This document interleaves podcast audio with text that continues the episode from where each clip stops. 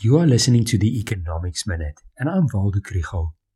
On Wednesday, June's consumer price inflation figure will be announced, and on Thursday, the Reserve Bank's Monetary Policy Committee will make an announcement on the repo rate.